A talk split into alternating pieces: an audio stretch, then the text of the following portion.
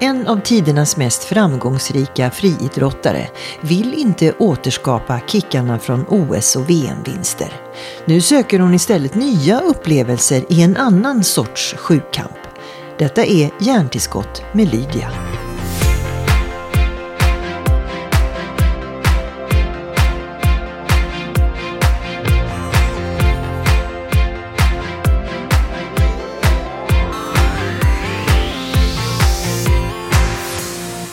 Carolina Klüft!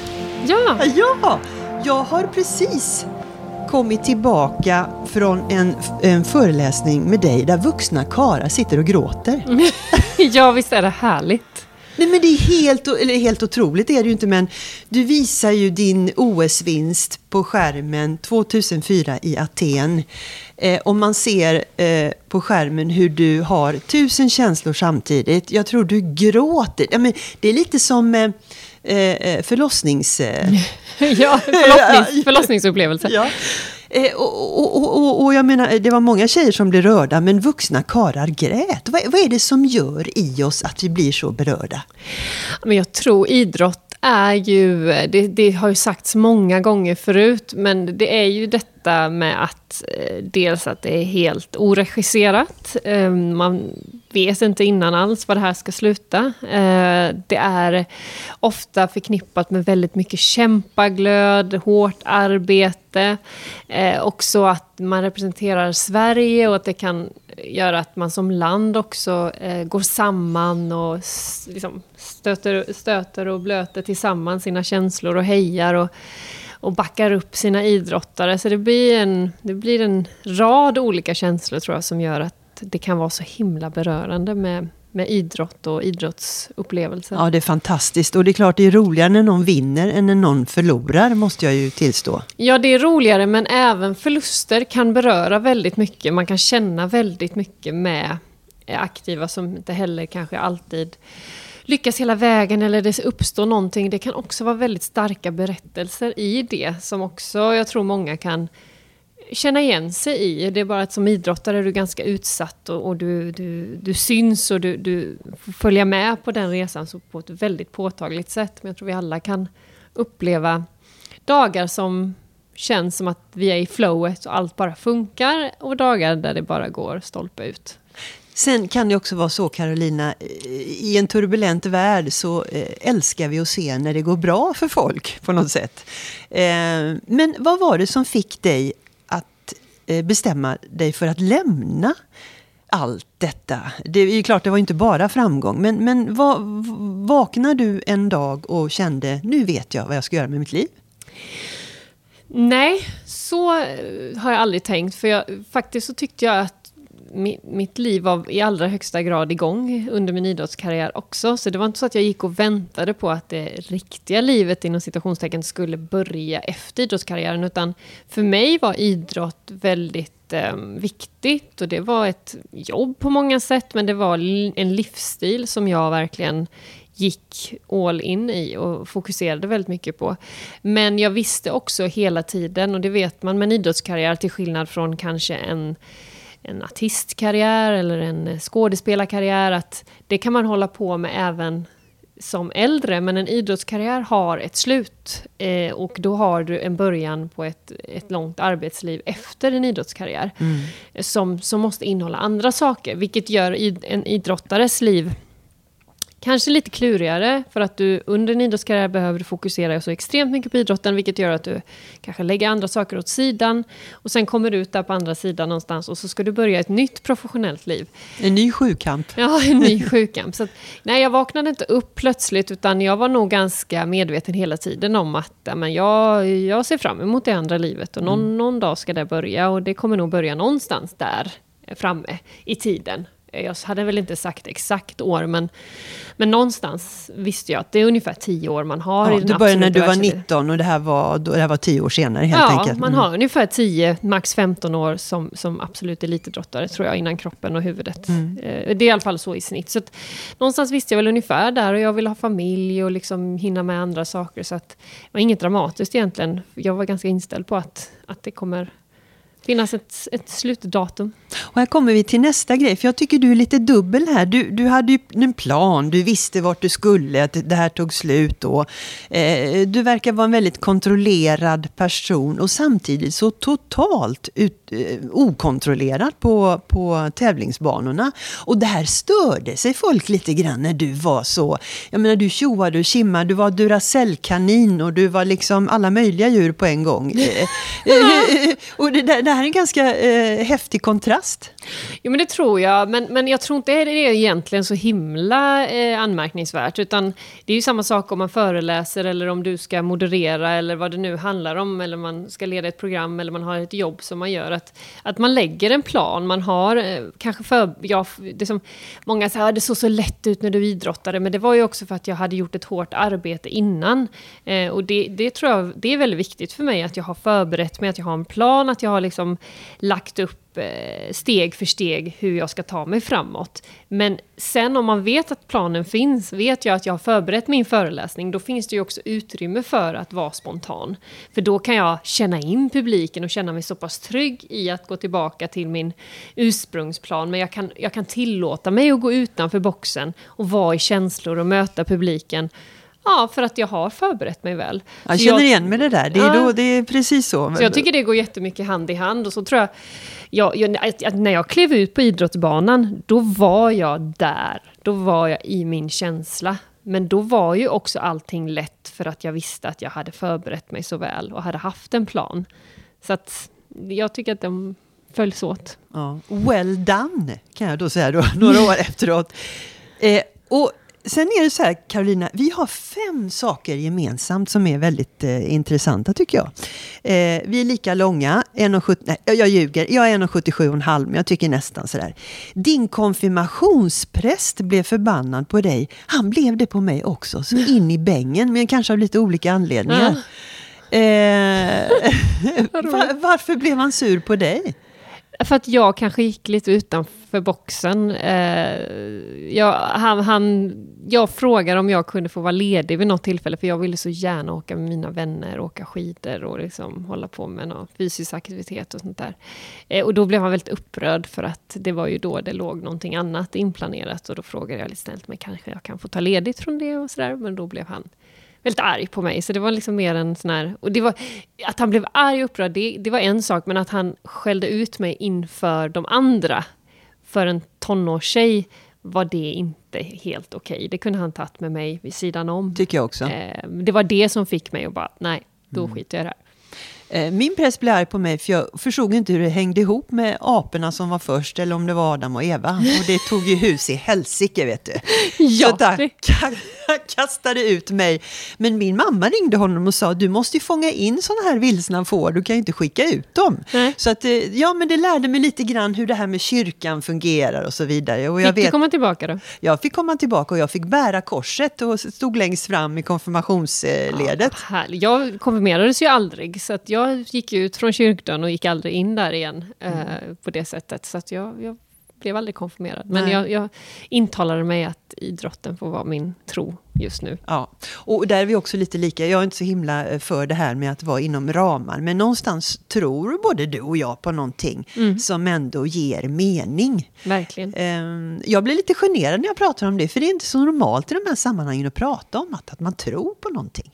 Nej, och det har väl blivit så. Vårt samhälle har blivit så... Ehm, vi har liksom hittat andra saker att tro på. Dieter och träningsformer och gått all in i andra saker som vi tror liksom kanske skapar mening. Och det kanske det gör på många sätt, men jag tror att det finns någonting...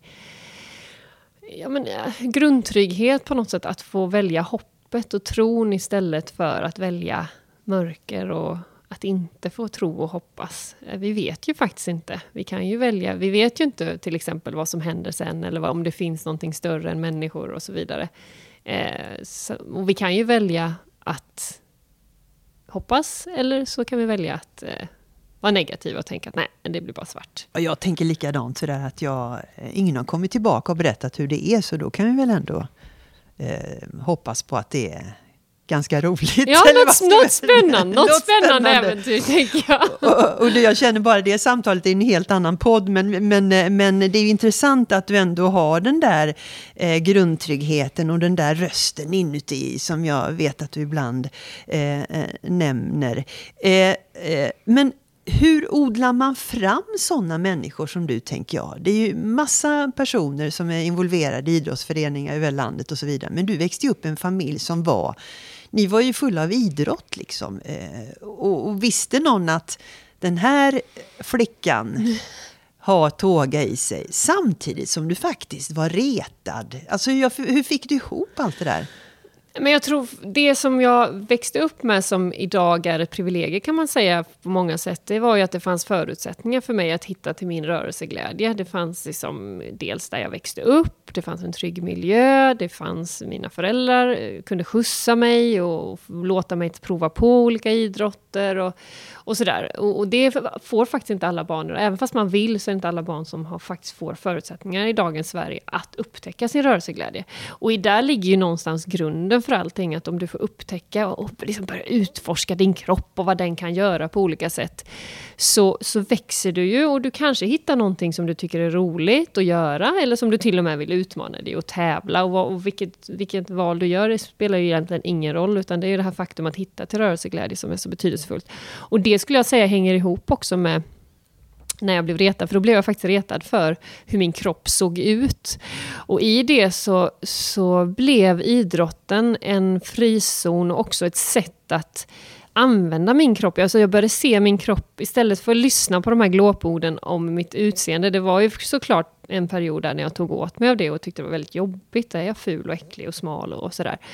Men sen blev det också ett vapen på något sätt att ja, men den här kroppen, den kan göra saker. Ja, men hur fattar du det själv, att använda den här mentala utmaningen till, någon, till en styrka? Förstod du ja, men jag tror det av dels, omgivningen?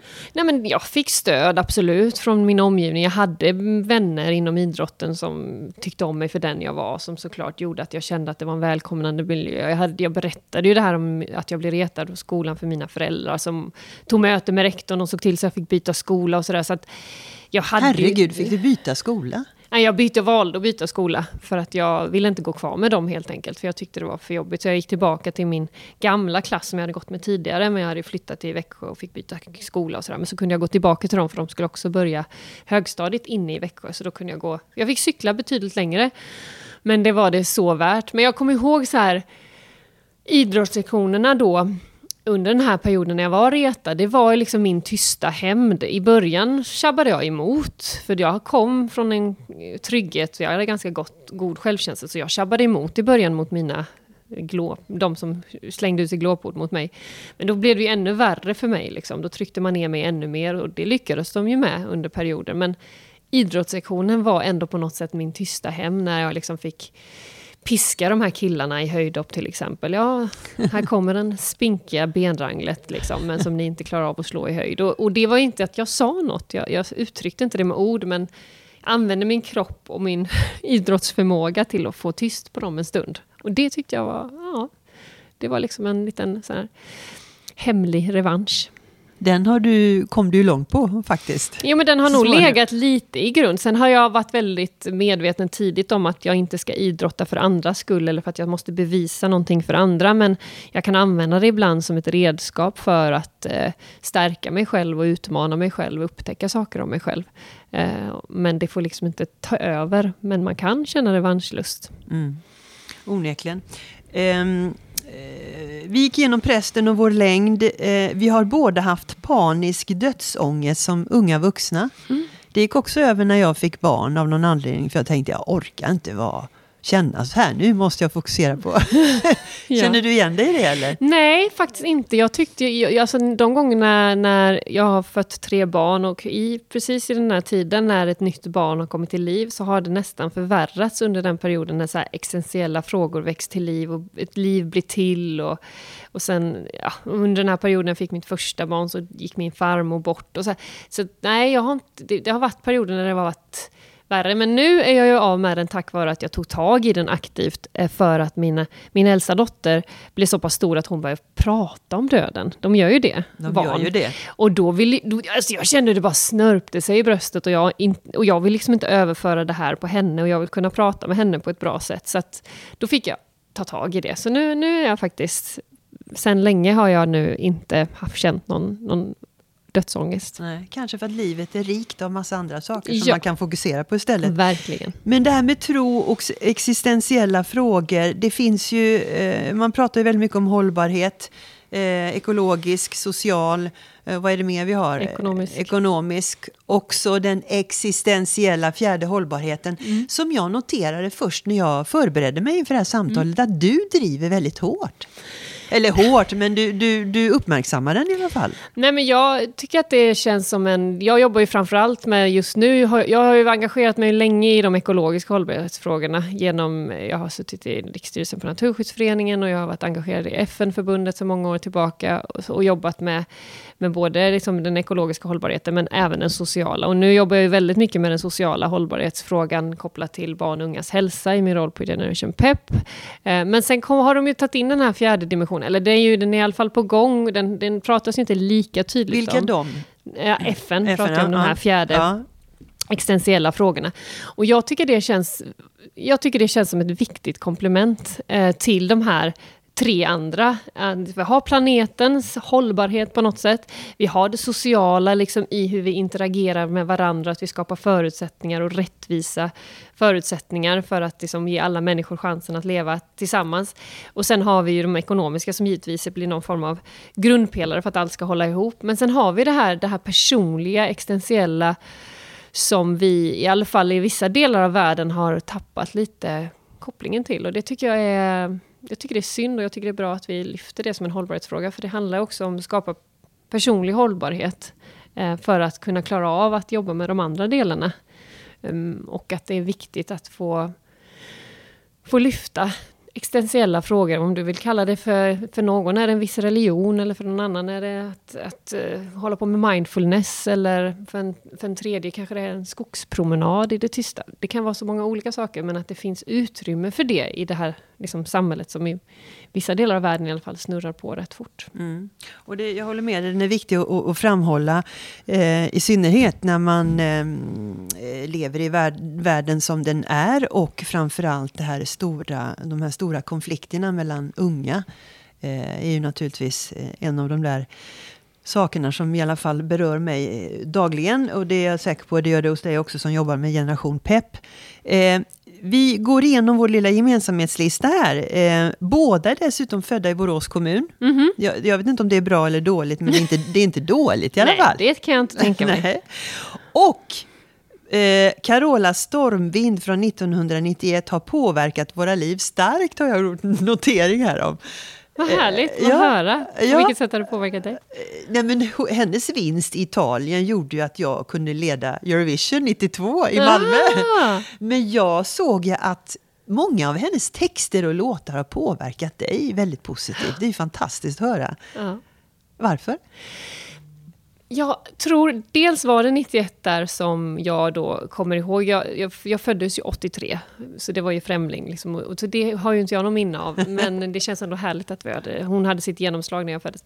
Men sen var det ju då 91 som jag var tillräckligt gammal för att komma ihåg. Och jag kommer ihåg den här stunden och min pappa och jag satt och tittade och pappa han var så här, vinner inte Carola nu, då slänger vi ut tvn genom fönstret. Och det var liksom så här superpepp, apropå det här med att samlas kring någonting, det kan man också göra kring Och alla var vinstmaskiner Ja, liksom. ja, ja, där. vi satt där och hejade och så vann hon. Och, och den låten sen sjöng jag ju liksom framför spegeln och sen blev ju hennes låtar även såna här andra låtar som handlar faktiskt om tro och men så här, eh, Save the Children som handlar om så engagemang och så hennes peppiga låtar. De har liksom bara följt mig i, när jag var barn och i tonåren sen. Och sen blev de, många av deras, de textraderna, även peppord för mig när jag tävlade, bara för att liksom stärka mig. Så att det, de har verkligen de har verkligen betytt mycket under Tänk, tänk om hon visste att vi pratar om henne nu, om hennes låtar och hennes... Ja, men hon, vet att jag, hon vet att hennes låtar har betytt väldigt mycket för mig. Det har jag pratat med henne om flera gånger och även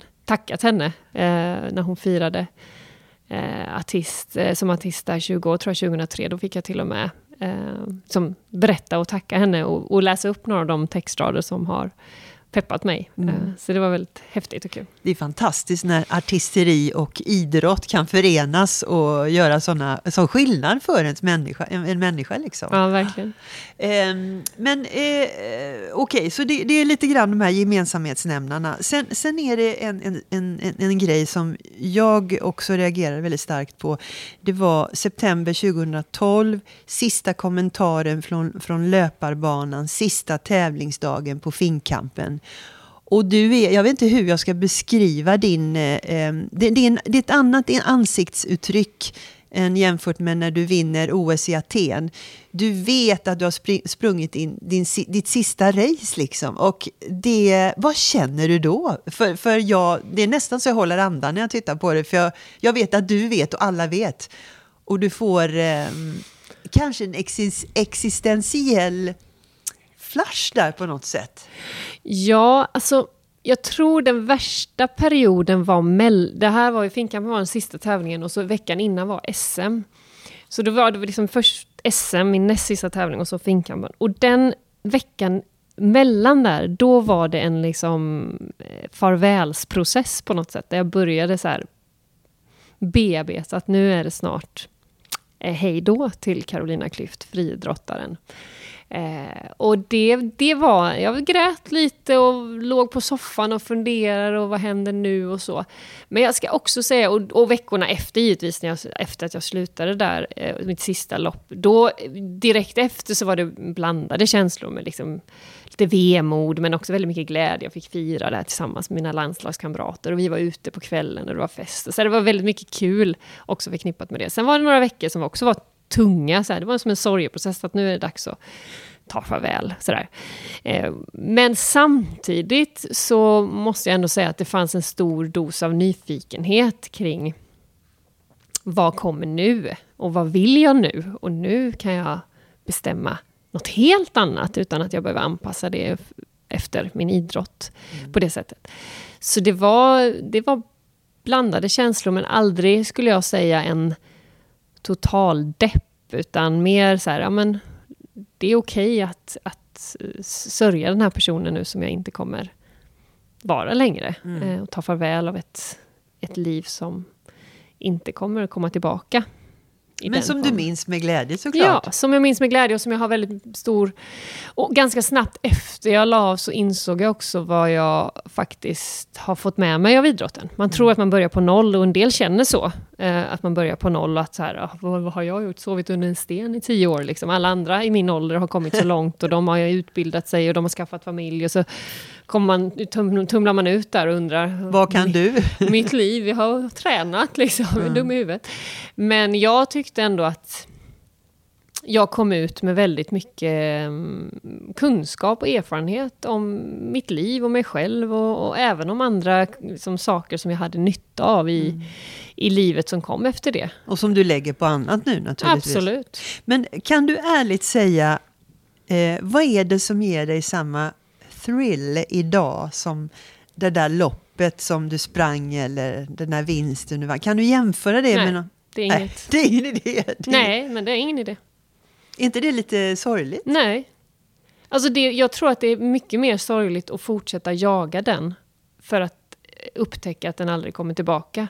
Och leva ett liv efter idrottskarriären på en jakt efter något som aldrig kommer dyka upp. Mm. Det tycker jag är sorgligare. Jag tycker inte det är sorgligt egentligen, utan jag, jag bestämde mig ganska snabbt för att det upp, de, de, alltså den känslan att kliva ut på en fullsatt arena, vara i sin bästa form, det spritter i benen och få gå in och tävla. Den går inte att återskapa, tror jag, på ett annat sätt. Um, och, och, och jag är tacksam att jag fått uppleva det. Apropå fokusera på tacksamhet istället för att fokusera på det tråkiga. Men jag är tacksam att jag har fått uppleva det, men jag vill inte leva mitt liv i jakt på att försöka hitta samma känsla, utan nu är jag på jakt efter nya känslor. Eh, och jag vill inte jämföra dem, för jag vill inte kategorisera dem, jag vill inte rangordna dem.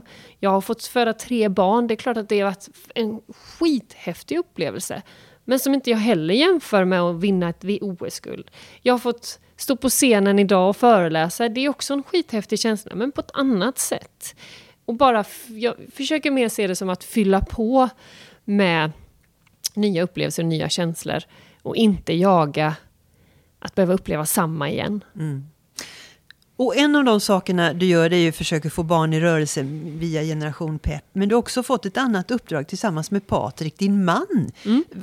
För det första, hur, hur, kan man leva ihop och göra allting ihop som ni verkar göra sen så många år, sedan ni var purunga? Fast det gör vi inte. Man kan tro det, men det gör vi inte. Det är första gången vi jobbar ihop någonsin, skulle jag säga egentligen. Och det är första gången sen, vi, sen han slutade med friidrott som vi gör något, ett sånt här friidrottsuppdrag tillsammans. Och även när vi höll på med friidrott, så även om vi höll på med samma grej, så hade han sin tränare och sin träningsgrupp och jag hade min. Så på många sätt vi hade ju en gemensam plattform, men vi hade fortfarande ganska olika sätt att idrotta på. Men, Vilken tur! Ja, det andra tror jag det här blir svårt. Men eh, vi, vi, eh, nu tycker vi att det är väldigt kul att få göra det här tillsammans. Vi har inte så många gemensamma sådana projekt. Och det här, Berätta vi, vad det är. Det här. Ni ska ju odla fram nya talanger tillsammans med Friidrottsförbundet, eller? Ja, med stöd av SOK så ska vi eh, framförallt vara ett stöd och, och eh, vara en resurs för eh, talanger som har redan kommit en bra bit, ska man säga. De här är inga, de är inga frön, utan de har redan liksom Många har redan blommat på många sätt. Sen är de inte i full blom ännu, men de har liksom börjat knoppa av sig och börjat spricka ut eh, och varit på juniormästerskap och så vidare. Och nu är det ju sen dags för dem att ta klivet upp till seniormästerskap. Och hur kan vi stötta dem i den övergången, både så att de får en balans i, i de de är som människor, men också i laget tillsammans och skapa trygghet med laget, men också att kunna prestera när det gäller som mest. Och vara ett stöd för tränarna och de aktiva, ifall det är någonting de behöver, så ser vi till att stötta dem och hjälpa dem på olika sätt. Så det är mycket utifrån deras egna behov och önskemål också. Och där kompletterar jag och Patrik varandra väldigt väl. Han har jobbat som coach och tränare och ledare i 15 års tid eh, inom ishockeyn framför allt, men han kan verkligen träning, han kan liksom coachning och har jobbat med lag otroligt mycket. Och jag är mer liksom en person som har fungerat som mentor för individuella aktiva. Vi har liksom, jag kan vara ett bollplank när det gäller det mentala, men också kanske hålla ihop strukturen och sy ihop olika delar och sånt. Så vi, vi kompletterar varandra väldigt bra i, i den här satsningen och därför tycker vi att det är väldigt roligt att få, att få göra den tillsammans. Du, jag kan fantisera om, om dina barn lite grann här, att någon av tjejerna plötsligt stapplar fram och har de där långa skånkarna som du och eh, energin och att du och Patrik bara, men vänta nu. Mm. Eh, kan, ni, kan ni tänka er att träna er egen avkomma om ni ser att det finns resurser? Alltså det är en jättesvår fråga att svara på. De är så små, våra Hur barn. gamla är de nu? De är ju två, fem, fyra och sju. Ja, det kanske är lite, men, är, men, är, men ändå, du, någon gång kommer ni att se något? Nej, men så här, alltså, vi kommer stötta våra barn oavsett vad de vill göra på bästa sätt. Så, och det, det var vill, ett diplomatiskt ja, svar. så vill väl alla föräldrar ja. säga såklart. Men är det så att de vill hålla på med och satsa på en idrott så är det klart att vi kommer dela med oss av allt vi kan utifrån den kunskap vi har. Sen är det ju helt, det är inte säkert att det blir friidrott, det kanske är bra om det inte blir friidrott. Speciellt eftersom vi har tre döttrar som då ska bli jämförda med sin gamla morsa, liksom. Eh, vilket kanske inte alltid är så kul. Eh, men oavsett så... Simmerskorna Knape gick det ju rätt bra för. Absolut, jo, men det har gått bra för många och det, det är klart att man, det också finns fördelar i det, att man har en, en förälder, två föräldrar i det här fallet som har va, gjort, en, gjort resor inom den här idrottsgrenen. Men det känns som för mig, jag vill, de får uh, upptäcka saker och ting och vi kommer ge dem full support och det är klart att om de vill satsa och vi kan vara till hjälp så kommer vi göra det. Mm. Definitivt. Vill de inte satsa och de behöver hjälp så kommer vi hjälpa dem precis lika mycket. Men får man tycka att det ändå är lite spännande att se vad som händer? Jo men det är väl spännande att se om de, om de tycker att det är kul med idrott. Det kan ju bli mättnad också för att vi har varit så involverade inom idrotten. Nu gör vi väldigt mycket annat också men, men det, det blir spännande att se om det är någonting som de tycker är kul och om de fastnar för friidrott eller om det är någon annan idrott. Eller om de ens har den här tävlingen. Både jag och Patrik är ju väldigt tävlingsinriktade. Eh, och än så länge så kan man se, de är ju så pass små, men visst kan man se en viss envishet och tävlingsinriktning i dem det. på lite olika sätt. Och sen om det håller i sig eller inte så det får vi får vi se. Så spännande. Tack så mycket Carolina Klüft och lycka till! Tack snälla.